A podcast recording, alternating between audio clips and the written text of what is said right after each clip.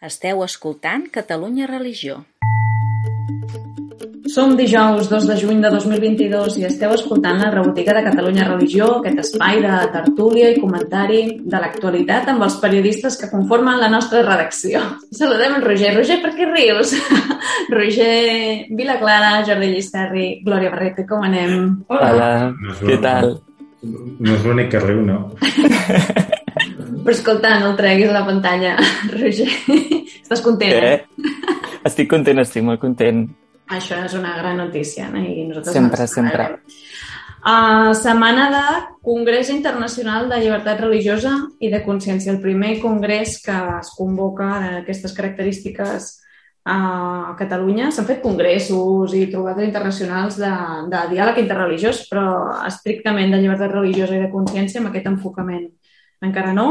L'ha convocat la Càtedra de Llibertat Religiosa i de Consciència i la Direcció General d'Afers Religiosos i ha començat aquest dijous, de fet, avui, demà, amb un centenar de congressistes eh, vinguts d'una vintena de països diferents, que té aquesta dimensió internacional.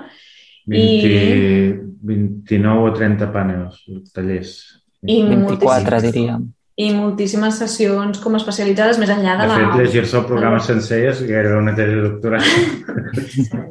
A veure, el que és una tesi, no sé si és tesi o convalida com a tesi, és organitzar tot aquest sarau. La veritat és que ja s'han mobilitzat moltes persones, hi ha noms d'aquests que, que penses que sempre hi han estat i són de referència, i després també, vaja, no sé, hi ha, hi ha temàtiques molt diverses que es tractaran, totes en una secció de l'àmbit sanitari. Avui parlàvem amb gent de Sant Joan de Déu que estaven per allà, uh, tota la qüestió de com ha afectat la, el coronavirus també a les religions, um, com es pot treballar tot això des de la universitat, La part educativa.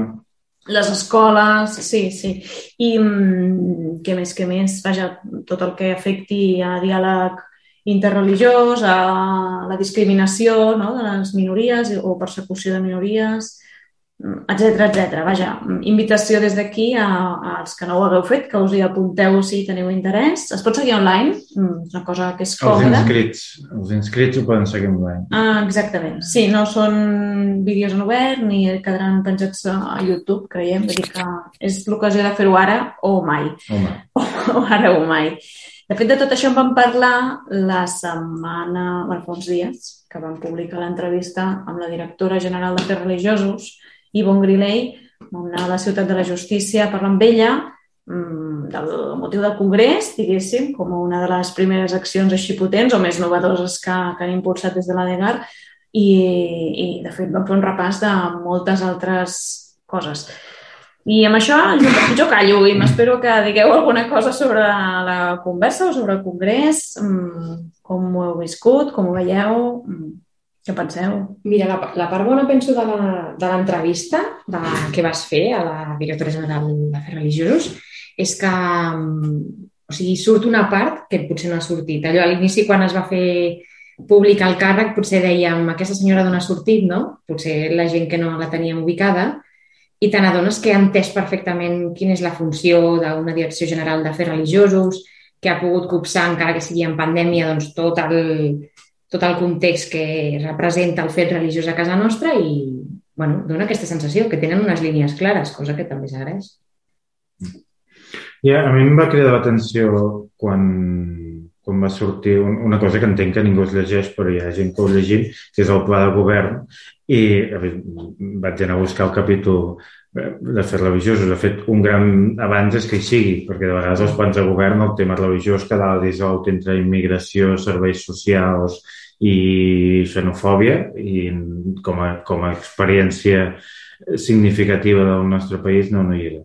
I em va cridar l'atenció una de les coses que es comenten en l'entrevista, que és el tema de les religions també com a agents de protecció o potenciació del català, que això és una cosa que doncs, fa 10 anys sempre evidentment hi és de fons, però que fa 10 anys no es plantejava com una prioritat i que ara amb tot, el, amb tot el debat al voltant de la llengua eh, doncs també s'incorpora aquesta finalitat en el, en el programa de la, de la Direcció General.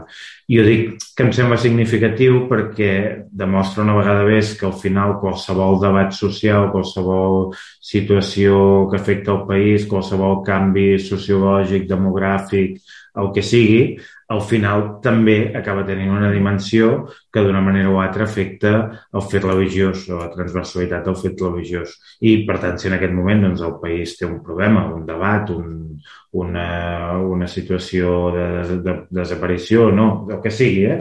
independentment del punt de partida de cadascú, és evident que aquest debat també té una incidència amb les comunitats religioses i això em sembla interessant doncs, que sortís plantejat a l'entrevista. Mm.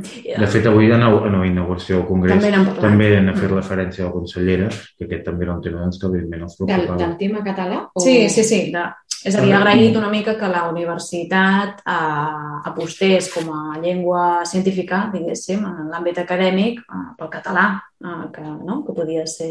I, i aquí ho ha enllaçat, que eh, ho ha fet la comparació, que tant les religions com la llengua són elements de cohesió de la societat. Pensava que no de dir són elements en perill d'extinció. Podria ser també. Catalunya, religió, té futur el país i la realitat que, que explica. Um, de fet, uh, sí, sí, una cosa que deia quan va començar, ella la van nomenar el mes de juny, Sí, ha fet l'any. uh, just per Sant Joan, ja s'hi van posar de seguida i ha fet pràcticament la ronda de visita a totes les comunitats, institucions, grups i grupets i a vegades des carantos que s'ha trobat amb tothom. No? I diu que cada vegada que feia una d'aquestes reunions preguntava pel tema del català. No? Això com ho veieu? Com ho esteu vivint? No? Per tant, que mm, entenc que ha aconseguit traslladar aquesta preocupació en tota aquesta realitat i que en part exigeix no? una, un compromís eh, recíproc no? De- d'ajuda mútua eh, per, per aquestes dues coses que, que preocupen. Uh, més coses que sortien a l'entrevista o de les que va parlar. El Camí Ignasi. Camí Ignasià va Mm. ser... Absolut, no? Sí, sí, tenen gran interès. De fet, bueno, veure, no, no podem oblidar ni menys tenir que estem celebrant, no? Catalunya està celebrant 500 anys, vaja, tot el món, celebració universal uh, de la conversió de Sant Ignasi i en concret a Catalunya el que afecta que no, tot el treball que va fer dels exercicis espirituals a la Cova de Manresa i, i tots els actes que s'han organitzat al voltant d'això, com Manresa, la ciutat, també l'Ajuntament hi ha apostat per fer Molt una fort, renovació de ciutat. I vaja, i amb també que d'aquí no gaire serem a Roma, això suposo que ho parlarem en un altre moment, en un altre capítol, però també hi haurà present la Direcció General d'Afers Religiosos per presentar al Vaticà el documental no? que s'estrena per explicar el camí ignasià, que és un, no? un camí de pelegrins i que es pot eh, fer actualment, ja fa anys que funciona, però ara se li dona una altra, una nova empenta. No, anem del Camí Ignasi, n'hem parlat diverses vegades, però sí que l'ocasió d'aquest aniversari també és una manera de promocionar-lo i al final avui eh, quina millor manera de promocionar-lo que amb un documental en lloc d'un llibre d'aquests que queden a les estanteries i al final, primer perquè és un, un camí, llavors és, és un recorregut que és una cosa que mm, es pot eh, traslladar no al format audiovisual, que a vegades hi ha altres coses que costa molt més. I va sortir aquesta idea doncs, d'Ànima 7 i concretament del Jordi Roger, que és qui ha dirigit el documental, i és, la idea doncs, va trobar el suport tant de la Direcció General com de la mateixa oficina del Camí Ignasià, dels, dels mateixos jesuïtes, que són els que han donat suport doncs, que això pugui sortir i en parlarem doncs, de, la, de la premier que es fa a Roma d'aquí uns dies, però que esperem que ja molt aviat, ja estem parlant de setmanes, doncs ja també es faci la projecció i l'estrena a Catalunya. Fantàstic. Però que l'important del producte, evidentment, nosaltres des d'aquí doncs, hem de promoure que la gent d'aquí ho conegui el documental, però l'important que jo crec que té aquest producte és que és un producte universal, i fins i tot a nivell lingüístic, i que per tant l'important és que gent de tot el món doncs, pugui conèixer, eh, no només a nivell teòric, sinó com d'una forma molt experiencial, què, què vol dir això del camí ignasià i que, que al final doncs, els, hi, els hi provoqui les ganes de venir aquí a veure-ho. Mm -hmm. Roger, tu tot això com ho veus? Em, sí, bueno, aviam, jo tiro una mica enrere i responc a la pregunta de, de què ens havia agradat o de què destacàvem de, de la conversa de la Kitley. També pots dir coses canvi... que t'hagin agradat, eh, Roger? No? no, no, de moment no m'atreveixo a, a, a dir el que no m'agrada. Pots dir que era massa llarga. No, no, home, no, no, mira, a mi m'ha agradat, eh, potser queda una mica així, és com potser una part potser més anecdòtica, per dir-ho d'alguna manera, però més enllà de la part política o institucional, m'agrada com la, les preguntes finals en què, en què bueno, tu, Laura, li preguntaves doncs, si li agradava la feina que feia i, i m'agrada que diu doncs, que, que li agrada, li agrada quan, quan veu resultats en allò que fa, no? i després tu també li preguntes per, per aquests resultats. Penso que és una cosa no? que també com, bueno, al final, o sigui, m'ha agradat com llegir no? això que ella doncs el que, el que intenta fer és que hi hagi uns resultats, que hi hagi, doncs, bueno, com que, no sé si m'estic explicant, eh? M'estic explicant. Coses tangibles, no? Exacte, coses tangibles, sí. I, i també relacionant amb el Congrés, penso que de l'entrevista, com amb el que també potser em cridava més és el fet com aquesta part, ella ho diu en, en diversos moments com de fer pedagogia o del tema de la difusió, que és cert que al final són línies com de, de, de fer religiosos importants, diguéssim, o sigui que és com ha un dels objectius.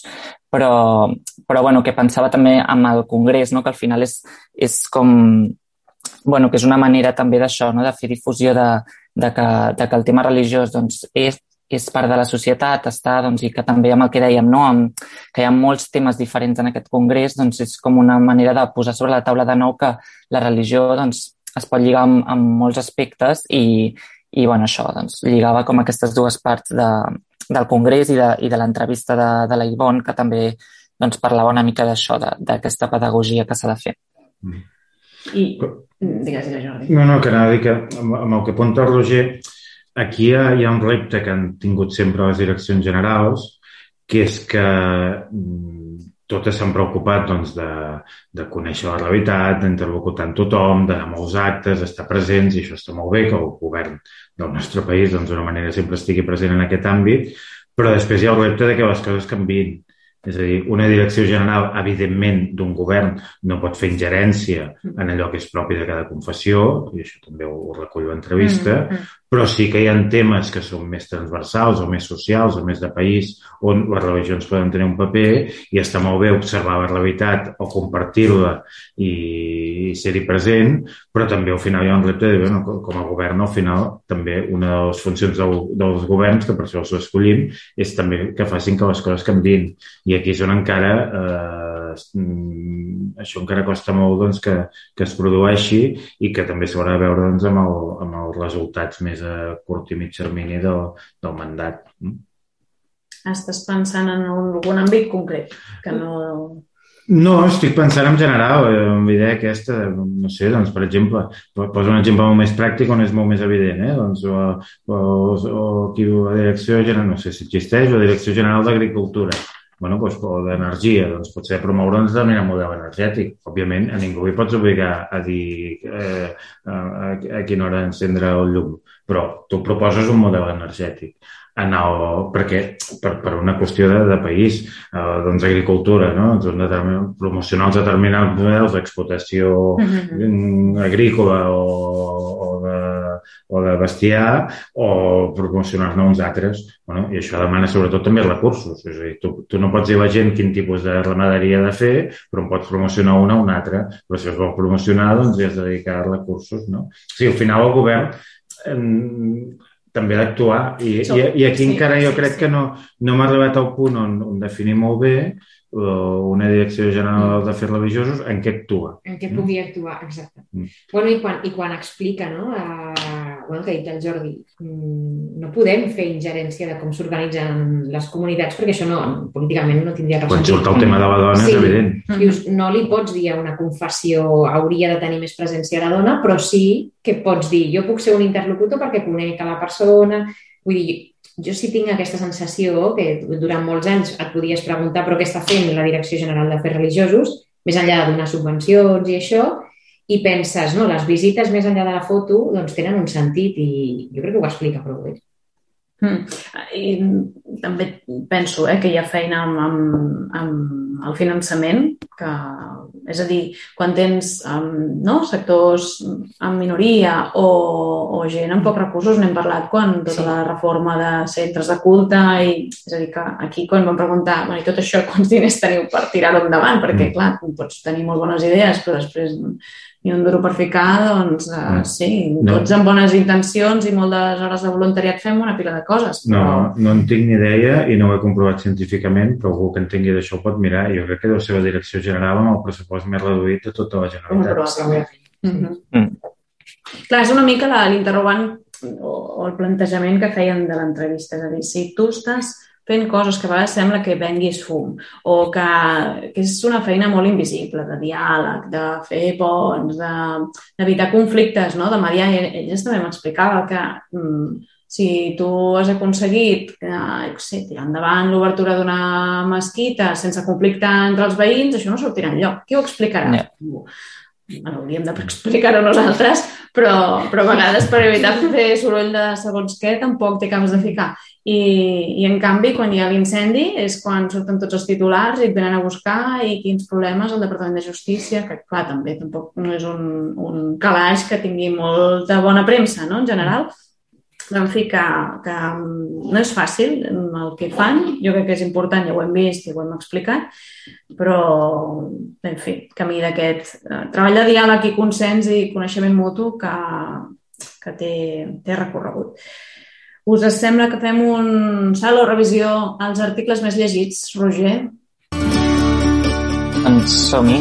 Aquesta setmana l'article més llegit és l'article sobre l'escola evangèlica, un, un article sobre doncs, un testimoni que, que parla d'això, de, de l'escola evangèlica.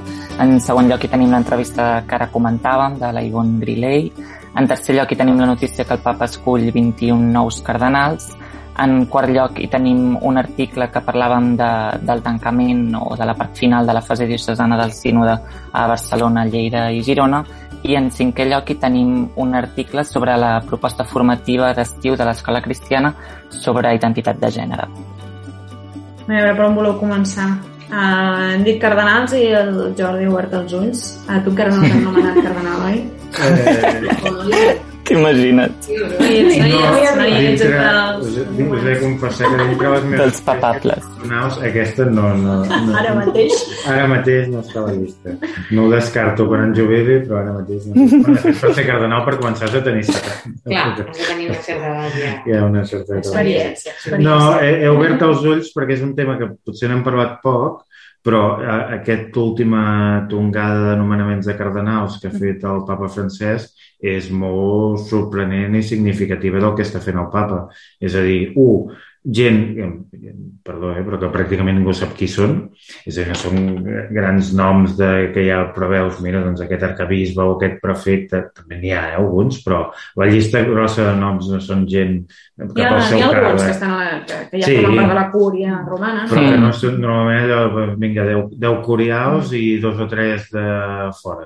I, i, que, i que sobretot el que hi ha és un pes internacional és dir, i, de, i de comunitats fins i tot petites. Eh? No mm. recordo quin país d'aquests per, perduts enmig de l'Àsia que, que són una comunitat, em sembla, de, de 10 o 12 mil catòlics i un no ha fet cardenal. Al seu moment ja havia passat allò que havia fet cardenal un bisbe auxiliar en lloc de, mm. del bisbe resident. No? Per tant, aquí el papa s'està saltant moltes normes i ara en aquest moment on ja hi ha una àmplia majoria del col·legi cardenalici, és a dir, els que escolliran el seu successor, que ja els ha nomenat el papa francès, i que bona part la presenten molt trenada al papa francès. Això no vol dir res, eh? després el, el dia que haurem d'obrir el tema del, del Concove ja, ja en parlarem. Mm. Però sí que és veritat que hi ha un col·legi cardenalici molt diferent mm. al que hi havia quan va arribar el papa francès i sobretot pel tema dels perfils i sobretot de la internacionalització i ara un col·legi molt més internacional que abans, però en aquest sentit les proporcions eh, s'han trencat, per exemple, amb el que és presència asiàtica,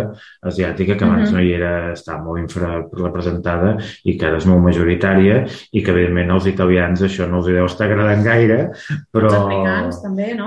Uh -huh. Sí, però eh, potser l'església africana ja també començava a tenir sí. un protagonisme, hi havia hagut prefectes de congregacions vaticanes ja del, Sí, del sí, món africà sí. I en canvi el món asiàtic havia quedat més, o el món llatinoamericà també tenia una certa presència, el mateix papa Francesc era un cardenal argentí, no?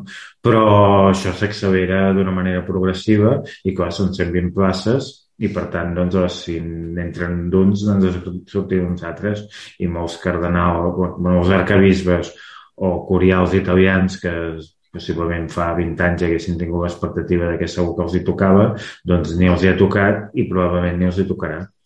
Bueno, jo recordo uh, aquest, aquesta frase que va dir el cardenal de Rabat, el Cristóbal López, quan va dir, clar, qui es planteja ser cardenal com una carrera, uh, doncs aquesta gent deu tenir un fracàs, no? Personal com dient, jo ja veig que això ja no m'ho faran, no? Eh, en canvi, si et prens el, el cardenalat com, com un servei, que al final doncs, és un servei de pes, però que no dona més que problemes, més que alegries, doncs suposo que està bé. Però si no, si et planteges la vida, doncs sí, realment, qui no hagi estat escollit, penses, i ara què, no? Ja no tinc res més a fer. Bueno, gran error. Però està bé, aquestes notícies a mi em sobten que siguin les més llegides perquè dius, passen sense pena ni glòria, els mitjans generalistes no, no ho recolliran, i quan el Jordi fa aquesta anàlisi dius és que és un canvi important, que quan ens preguntem després qui ha estat escollit papa i com ha passat, doncs tot Depèn això... d'això. Un context Exactament, previ. sí, Mhm. sí, sí. També és veritat que quan anunciar els diumenges a les 12 tampoc ajuda Sí, gaire no a ajuda la gaire. dinàmica No, informativa. el tema agenda informativa jo crec que és una cosa ja que no... Que no vaticanament no, no es canviarà. Escolteu, entre els més llegits també hi havia el del sínode, la fase diocesana que ha conclòs a... Vaja, que aquests dies va, no? Cada, cada bisbat va recollint una mica el treball que s'ha fet a la seva diòcesi i, i hi ha hagut assemblees i trobades, concretament aquest cap de setmana a Barcelona, Girona i Lleida, Mm -hmm. i vam fer una mica d'exercici de síntesi, no?, amb aquest recull de consultes. Roger? Sí, el que veiem una mica és que en veritat les consultes també recollint els articles que ja havíem anat traient abans, el de Tarragona, Solsona i Vic, una mica les conclusions són similars realment, o sigui que es, es demana una mica el mateix o es busca una mica el mateix en, en aquest cas de Barcelona i Girona, que és amb els que vam poder llegir les conclusions concretament, doncs sí que veiem que coincidien doncs, en el reconeixement de la dona en l'Església, en, la, en la corresponsabilitat dels laics i també una mica per on vam titular, no? que dèiem que, de, que es demanava dialogar amb la societat tal com és, que al final no deixa de ser una mica eh, tot això, doncs, doncs bé, una mica això. El que veiem és que les conclusions són similars i, i, que, i que tot va una mica en la mateixa direcció. I que són, jo crec que potser són tan complets els debats que s'han pogut tenir o, o Mm. obren tants, no sé si dir així, tants melons i tantes coses um, a vegades concret, o sigui, difícils de concretar que quan els mateixos bisbats, i penso que no ha de ser fàcil, eh, miren de fer una síntesi del que s'ha dit per comunicar-ho a la premsa, acabes fent no, un seguit d'obvietats o de divagar molt globalment, no? perquè si entres en detall diràs allò i no diràs allò altre. Llavors semblarà que t'estigui significant, quan teòricament totes les propostes tenen el mateix pes. No? En tot cas, crec que el que compta, i potser aquí ens tirem una mica pedres a la taulada, eh? perquè no és tant el que transcendeix a la premsa, sinó el que s'ha enviat Uh, vaja, primer, perdó, el que compta se suposa que és el treball que han fet no? les comunitats i després el que pugui arribar... No, no, no, perquè volia dir en el sentit de, de què es comunica i que, bueno, sí, doncs és important el treball que es fa de cara a mitjans i el que nosaltres puguem recollir, però aquí hi ha una, o sigui, uns documents de síntesi tot un llistat de propostes llargs que, que estan fent el seu circuit intern i són els que arribaran a, no? en el sínode quan se celebri a Roma. No, no volia dir això, simplement, eh? No. Però que costa, sempre, perquè sempre topem amb el mateix, amb la dificultat del llenguatge, de trobar paraules, de fer-ho comprensible, vaja, que... El que, el que també eh, jo destaco, potser, que potser no hi estic d'acord, eh, però que en tots aquests actes com de presentació de conclusions també es destaca molt la participació de, de l'acte de la conclusió, que també és com la sensació aquesta de, de que la gent té ganes de sentir-se escoltada, de que hi ha com bueno, això, no? que, que són actes que no és que hi vagin quatre gats a escoltar aquestes conclusions, sinó que la gent hi ha participat i en té ganes de sentir aquestes conclusions i de que hi hagi un treball posterior que després doncs, una mica el que tu deies, Laura, que després el circuit i tal, doncs ja es veurà i es veurà si en, a on porta aquest sínode, per dir-ho d'alguna manera, però que en veritat el treball hi és. Glòria. Ara recordo quan vam estar parlant i, i preguntant sobre les, la fase aquesta del, del sínode consultiva, com ho farien, i recordo Tarragona que tenia molt clar hem obert una pàgina web a, o sigui, pública, no? no només a les comunitats diocesanes, i, i esperaven resposta de la gent que no va a l'església o que des de fora té una visió. A mi m'hagués, potser em manca una mica que diguin, clar, suposo que sí, anònimament no, no ho filtren, però aquestes conclusions, com ens veu realment la societat quan no està dins de casa, no? Eh, bueno, jo crec que el papa anava una mica també per aquesta línia i no sé jo si s'ha aconseguit aquesta fase seria, jo recordo molt, una trivial gentils, però fase 3.0, potser caldria des d'aquí promoure, um, però amb més obertura, és a dir, tenint en compte que potser el que sentirem no ens agrada, doncs eh, d'això es tracta, no? De ser una mica constructius. Si li preguntes el que ja saps què pensa, pff, poca cosa podràs fer. És això mm. de les empreses, el DAFO, si tots els treballadors et pregunta el cap, eh, vinga, problemes del cap, i tots allà, no, no, m'encanta treballar aquí, és tot perfecte. Home, doncs no canviarem res, doncs una mica em recorda això. Dic, anem a preguntar-li a la gent de fora amb més convenciment, sense por i sense represàlies estranyes, que jo crec que aquest tòpic també a l'Església doncs, deu, deu passar bastant. Molt bé, escolteu, ah, un últim, no sé si teniu més coses a dir del tema sínode, Jordi... Mm, és que estic pensant què dir i no provocava depressió general o que no pugui tornar a sortir al carrer, però... Ah, pensar que anava a dir i que no em puguin fer cardenal. No, tots els temes que, que es diuen al sínode... No, el de vu. Cebolleta. Clar. Sí, una mica, eh? A veure, eh, la part negativa seria una mica aquesta, de dir, tot això que s'ha dit, que està molt bé i la majoria compartim, no hi ha res que no hagués sortit a la consulta diocesana i després interdiocesana del, del Consell Provincial Tarraconense, i que és el que jo recordo, sí. i probablement si hi hagués algú que aquí en 20 anys més que jo també recordaria una altra tal, o l'assemblea conjunta del seu moment durant la transició, no sé què. Sí, aquesta impressió hi és bueno, deixem un positiu. També és de, de pensar a vegades que potser la tercera va la vençuda. És a dir, que... La tercera va la vençuda. No, que al final hi ha coses que acaben caient pel seu propi pes perquè, clar, com ho has dit 20 vegades, mm, doncs potser és la manera... Al final és ja, bueno, doncs potser que ho, ho fem d'una altra manera. I entenc que l'intent del papa eh, i del grup de, que han promogut el sínode és aquest. Mm Uh, i que tampoc els hi sorprendrà res que els arribi al Vaticà perquè jo crec que també a veure, no viuen aïllats tancats en una bombolla i ho saben.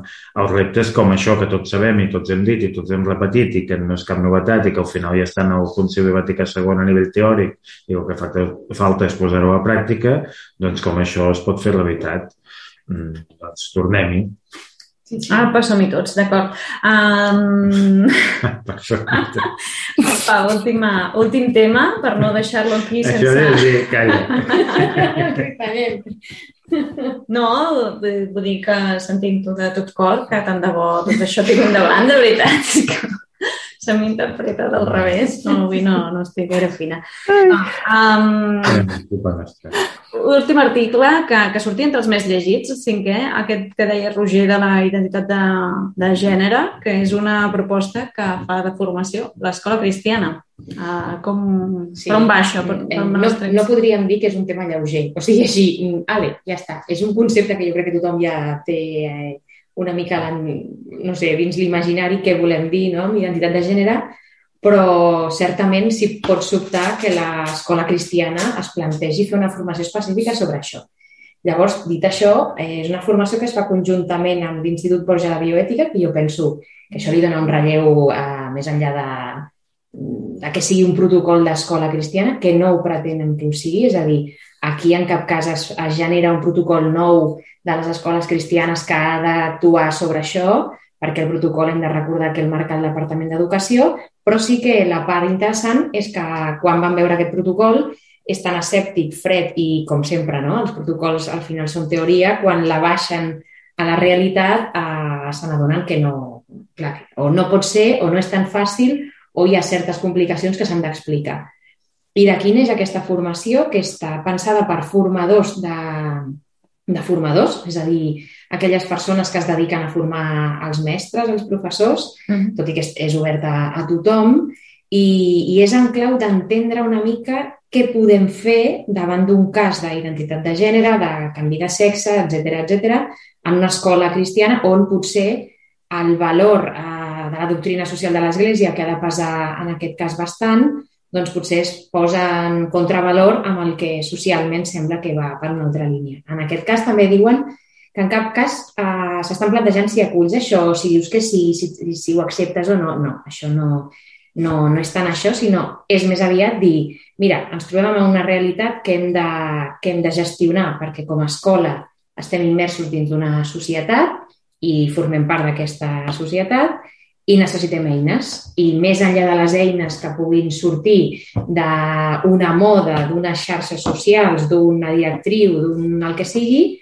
doncs necessitem entendre biològicament què passa amb una persona que canvia de gènere, quan és infant o és adolescent, eh, també què comporta filosòficament, humanísticament, doncs el valor d'un canvi de gènere, etc. I a mi em va semblar molt interessant perquè, bueno, jo crec que és un repte que es troben també, em va voler confirmar, no era off the record, així que ho puc explicar, però no, li vaig donar gaire èmfasi, que es trobaven amb dificultat de trobar qui fes aquesta formació. Mm -hmm. És a dir, coneixen molta gent que treballen amb infants i joves transgènere, però no ho volen explicar. És a dir, jo sí que treballo, però quan he d'explicar una postura o un discurs o com s'ha de fer, Ojo. I això vol dir que la societat de vegades sembla que tot ho acceptem molt ràpid i eh, realment les coses són complexes i necessiten doncs, una mirada més àmplia. No? I jo crec que aquesta formació va en aquesta línia de dir sempre se'ns ha plantejat una única mirada i potser hi ha més mirades a, a banda de dir hem de fer això i hem de fer per aquí. bé, s'ha de pensar una mica més.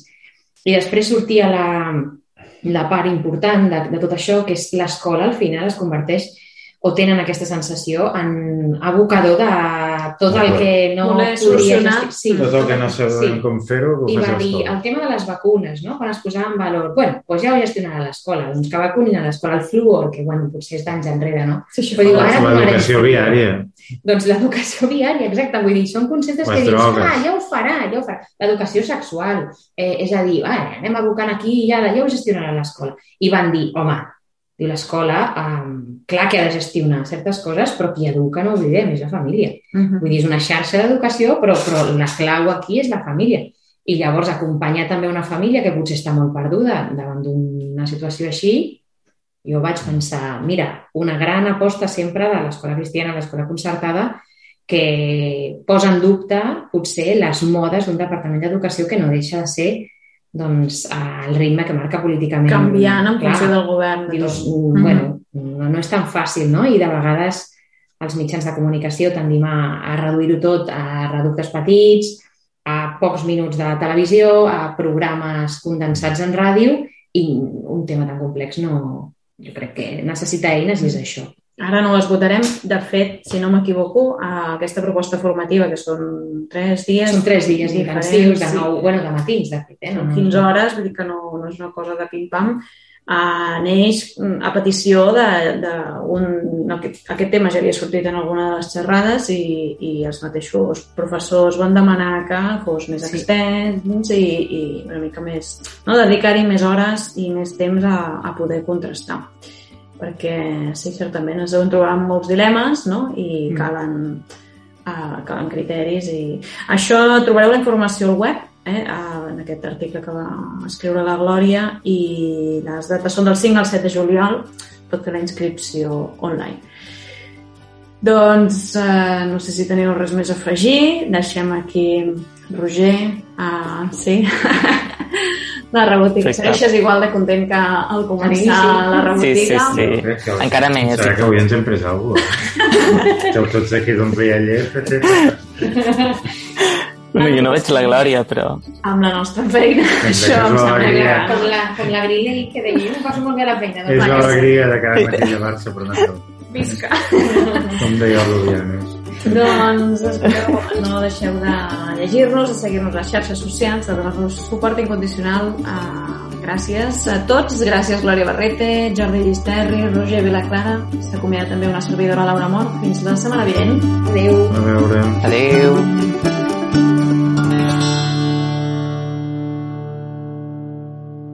Catalunya Religió.